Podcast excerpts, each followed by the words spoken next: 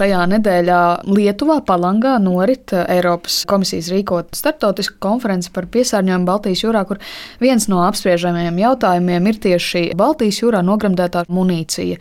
Tā jūrā ir nonākusi tieši otrā pasaules kara laikā un arī pēc otrā pasaules kara. Noteikti jau, ka jūras pētnieki arī par to savā starpā, savā sabiedrībā runā.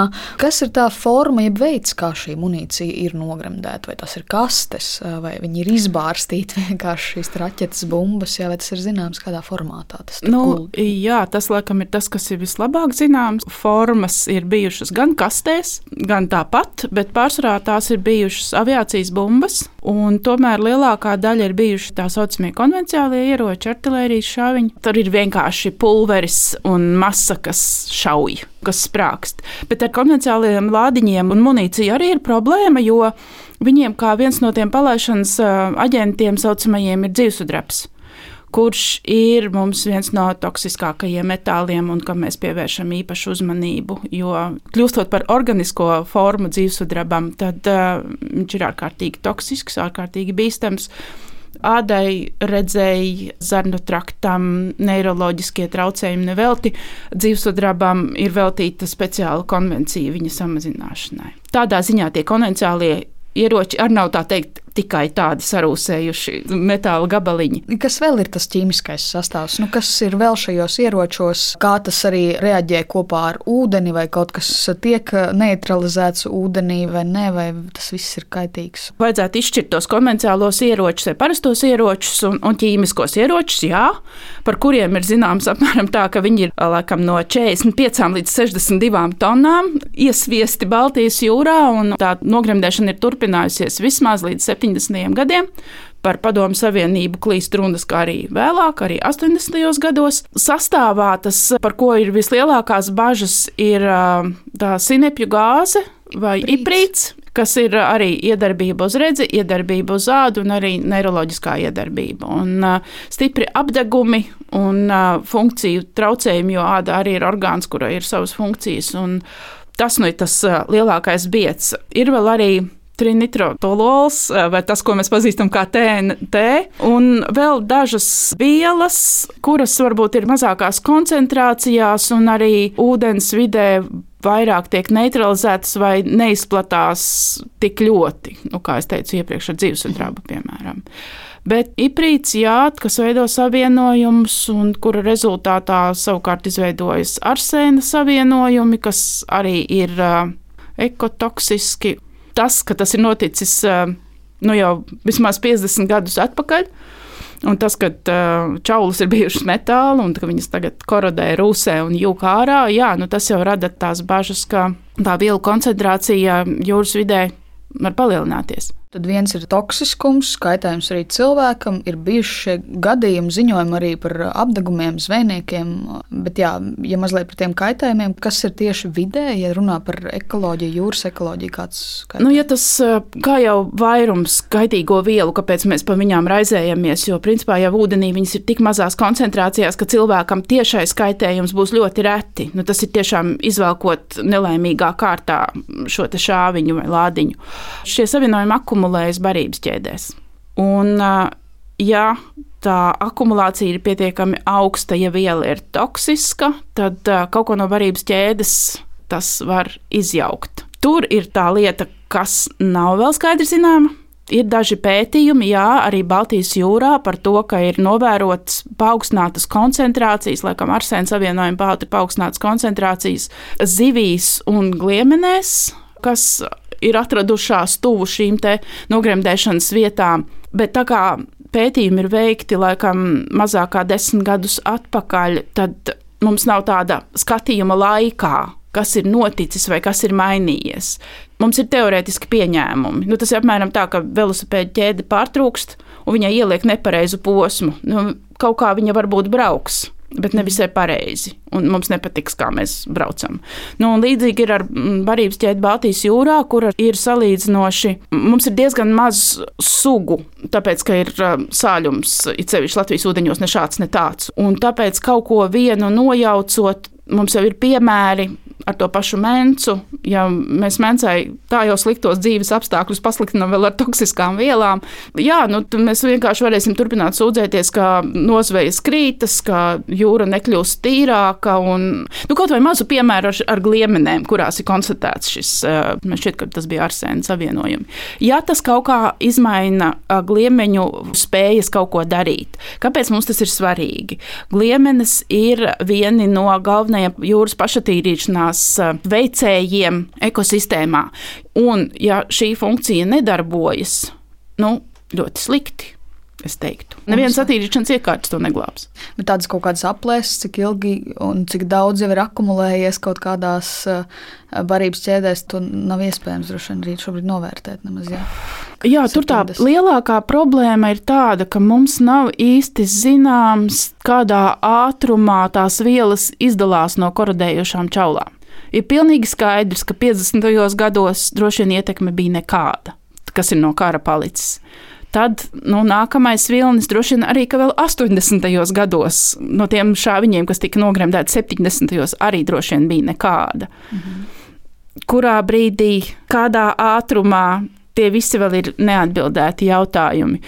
Ir gan domas par to, ka klimata izmaiņas, ja tās saistās ar uh, ūdens temperatūras paaugstināšanos, ka tās veicinās šo koroziju un to vielu izdalīšanos. Bet no otras puses, atkal, ja tur ir uh, tajos ķīmiskajos sastāvos, ir organiskās vielas, ka baktērijas ir novērots, ka jau piemērojas un spēj to patērēt un uh, inkorporēt, nu, veidot savu biomasu un savu dzīvi, izmantojot šīs ķīmisko aģentu vielas. Tas ir organiskais savienojums. Baktērija to uztver kā iespēju uzēst. Nu, un, uh, ja es apēdu šo, tad man būs reku, 30,000 citu mazu bērniņu. Baktēriju. Tomēr tā ir baktēriju biomasa, kur var tālāk iesaistīties barības ķēdē, un kur tas savienojums, kas ir toksisks, vairs nebūs, nu, viņš būs jau transformēts, viņš būs pārveidots, viņš vairs nebūs tādā formā, viņš nebūs akūti toksisks, vai viņš ne, varbūt nebūs toksisks vispār, viņš būs sadalīts Bet tas, ka vairāk savairojušās pašas baktērijas, nu, tā viņu baktēriju sabiedrība kļūst lielāka, labi pazūd slodze, nu, tā piesārņojuma slodze. Jā, nu, baktēriju vairāk. Nu, tā ir. Jā. Tas atkal ir jautājums, nu, jā, vai tas radīs kādas izmaiņas barības ķēdē, ko mēs atkal varam pat labāk tikai raustīt plecus un teikt, varbūt. Bet katrā ziņā tiek uzskatīts, ka tā lielāka baktēriju biomasa ir mazāks kaitējums nekā šie tieši toksiskās vielas, protams. Labi, tad riski ir diezgan skaidri. Turklāt eh, ne tikai videi, viņi ir arī ekonomiski, jo arī šī bīstamība ceļot eh, kaut ko iekšā, būvējot jūrā, kā tas ir vēja parks, kas ir aktuāli. Jā vai kabeļi, vai gāzes vadi. Vai tad sanāk, ka tas vienīgais, vai arī nu, tāds labākais risinājums ir nu, izcelšana droši vien ārā, jā, vai nē? Jā, nu laikam varētu teikt tā par to, varbūt domas nedaudz dalās. Tā kā es esmu ļoti varbūt, piesardzīga šajās lietās, es teiktu, ka es labprāt vēl gribētu tomēr noskaidrot vairākus jautājumus, kas varbūt attiecas tieši uz Latvijas teritoriju un tiem apstākļiem, kuros Latvijas ūdeņos ir šīs bumbas nogremdētas pirms mēs kaut ko ceļam laukā. Jo No praktiskā viedokļa, jā, iespējams, tajās vietās, kur bumbas ir salīdzinoši sekli, un kur viņām tiešām ir lielāks risks tikt aizķertām vai ar zvejas rīkiem, vai tur ir nepieciešama būvēt kaut ko. Un uh, tur iespējams, ka ir nepieciešama jā, šī celšana ārā, neutralizācija. Bet nu, tas ir uh, ļoti finansiāli ietilpīgs pasākums. Vācija ir pirmā valsts, kura ir vēl atvēlējusi šim mērķim 100 miljonus eiro lai uzsāktu aktīvu atveseļošanu un munīcijas neutralizāciju. Bet visai jūrai vai tikai saviem, saviem ūdeņiem? Mm. Mēs katrs rūpējamies par savu pagalbiņu, protams. Jā, un Vācija ir daudz. Tur ir gan Ziemeļjūrā, gan Baltijas jūrā. Jā, ir 300 tūkstoši tonu, un Ziemeļjūrā ir pārpa miljonu. Nu, skaidrs, ka tas ir finansējuma jautājums arī, bet jā. vajadzētu būt šādām robežām, runājot par jūru, tieši par šo attīrīšanu, un vai tam tomēr jābūt tādam starptautiski nu, lielākai sadarbībai, jo tāpēc, nav jau robežu tai populācijai. Ja tās gliemenes nav, tad viņas nav. Tas ietekmē. Jā, protams, un principā jau mēs mēģinam jūru apsaimniekot kaut kā vienojoties par kaut kādām lietām, ko mēs darām vai nedarām, bet tā darīšana vai nedarīšana tomēr ir katras nacionālās valsts jautājums. Nu, tur mēs nevaram izvairīties. Būtu jau ļoti ērti, ja mūsu vietā kāds visu atrisinātu mūsu problēmas, kas saistās ar jūru, bet nē, ja Latvijā par to ir ticis runāts, ir ticis varbūt domāts, darīts, tikai nav lāgā nekas. Un, mm. nu, tas ir jā, uzdevums mums pašiem par savu to jūras daļu, lai cik viņa nebūtu ļoti saistīta, protams, ar visu pārējo jūru, bez šaubām. Mums tomēr jārūpējas pašiem. Kuras ir tās nu, kopumā Baltijas jūrā tās vispiesārņotākās, un kurš ir tas lielākais piesārņotājs bijis? Nu, es varu gan Vācija, Gremdē, gan arī Padomju Savienība. Jā, ir kaut jā. kā izdalīts, kuras ir tās? Nu, jā, tas ir Bornholms ieplaka, kas ir apmēram tā dziļākā vieta, ir pār pa 460 metriem, kas ir Dānijas, Vācijas apmēram tūmā, nu, Dienvidu Baltijā.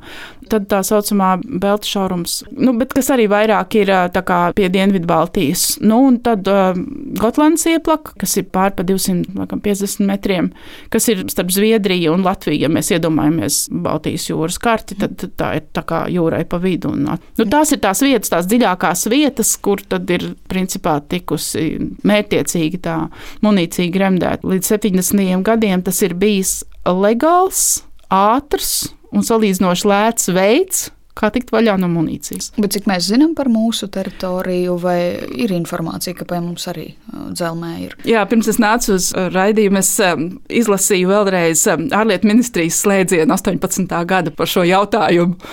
Un tur bija aprakstītas trīs vai četras sanāksmes. Man liekas, ka vismaz divās es arī piedalījos par to, kā saicinot kopā visus iespējamos Latvijas ekspertus par šiem jautājumiem. Nebija skaidrs pārliecības, vai Latvijas teritorijā ir šī munīcija vai nav. Tas, ko mēs zinām no Helkom materiāliem, no starptautiskajām ziņām, teiksim tā, ir liels potenciāls, ka Latvijas ūdeņos tas ir. Bet uh, mums ir atkal tā lielā ģenerālā vieta, uz mums attiecas Gotlandes ieplaks austrumu daļa, kur uh, jā, ir tikusi gremdēta munīcija. Un viss apmēram tā.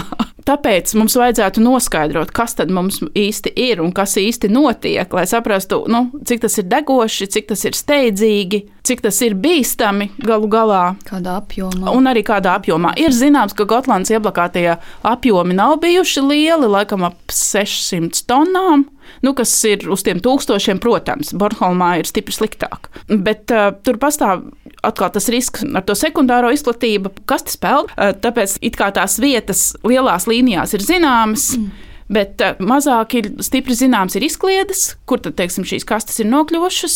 Nu, tas, ka mēs zinām tik maz, protams, apgrūtina visas šīs lietas. Bet tuvākā vai tālākā arī nākotnē ir kaut kāda šāda kartēšana paredzēta, mūsu teritoriālo ūdeņu tieši munīcijas kontekstā ir plānota? Nu, jā, mums uh, saka jau, ka plāniem labāk nestāstītais mājiņticības, bet principā mēs esam iesaistījušies projekta konsorcijā, kas ir Baltijas jūras valstu, ar domu tieši, ka Latvija beidzot varētu noskaidrot precīzi kaut ko vairāk par tiem ieročiem un munīciju, kas varētu būt nogremdēta. Tur tas mums ir doma uh, vispirms savākt visus iespējamos datus, kādi no eksistē vai arhīvu materiālos, nu, visticamāk. Varbūt NBS ir kādas nu, nezinu, ziņas, ar ko viņi būtu ar mieru dalīties. Un tad drīzāk, ja mēs uzzinām kaut ko vairāk vai mazāk konkrēti, tad varbūt nevis skenēt to apkārtni, bet doties uz konkrēto vietu un ievākt paraugus, lai noteikti ietekmi. Nu, apmēram tā. Mēs tad mhm. būtu vairāk par to, nevis cik un kurās vietās, bet cik bīstami un kāda ir ietekme. Apmēram tā, cik liels risks pastāv pat labi. Kad mums piedāvāja šo iespēju, mēs ar prieku piekritām. Kas ir tie, kas piedāvāja, un kam ir šis konsults? Laikam iniciatori ir no Polijas Zinātņu akadēmijas okeanoloģijas institūta, kur jau iepriekš ir bijuši priekšgalā tiem līdzīgiem projektiem, par kuriem es minēju kur mēs iepriekš nepiedalījāmies, kur mēs bijām izstumti no klubiņa. Un varbūt mums atrodas kaut kas jauns un salīdzinoši tuvu piekrastē, par kuru vajag interesēties pirmām kārtām, nevis varbūt par to Gotlandes ieplaku. Bet tad kā jūs vērtējat, vai šis ir tāds jautājums, kam būtu vairāk jābūt dienas kārtībā, vairāk kā prioritātei? Vērtējot to, cik ļoti tas šobrīd ir dienas kārtībā Latvijā, nacionālā līmenī arī. Jo uz to arī vērš, es saprotu, ka šajā konferencē, ko Eiropas komisija rīko, arī grib tiešām aktualizēt tieši to munīcijas. Jā, nu, man godīgi sakot, vispār gribētos, ka jūra ir vairāk dienas kārtībā Latvijai. Nevis tikai ar paziņojumiem, mēs esam jūras valsts. un ar to, ka jūrā peld zivis, jo to jūras ekosistēmas ietekmi, ka viņi funkcionē normāli, mēs lielākoties ikdienā nejūtam, jo mēs esam sauszemes iemītnieki un tas mums daudz tā kā neinteresē.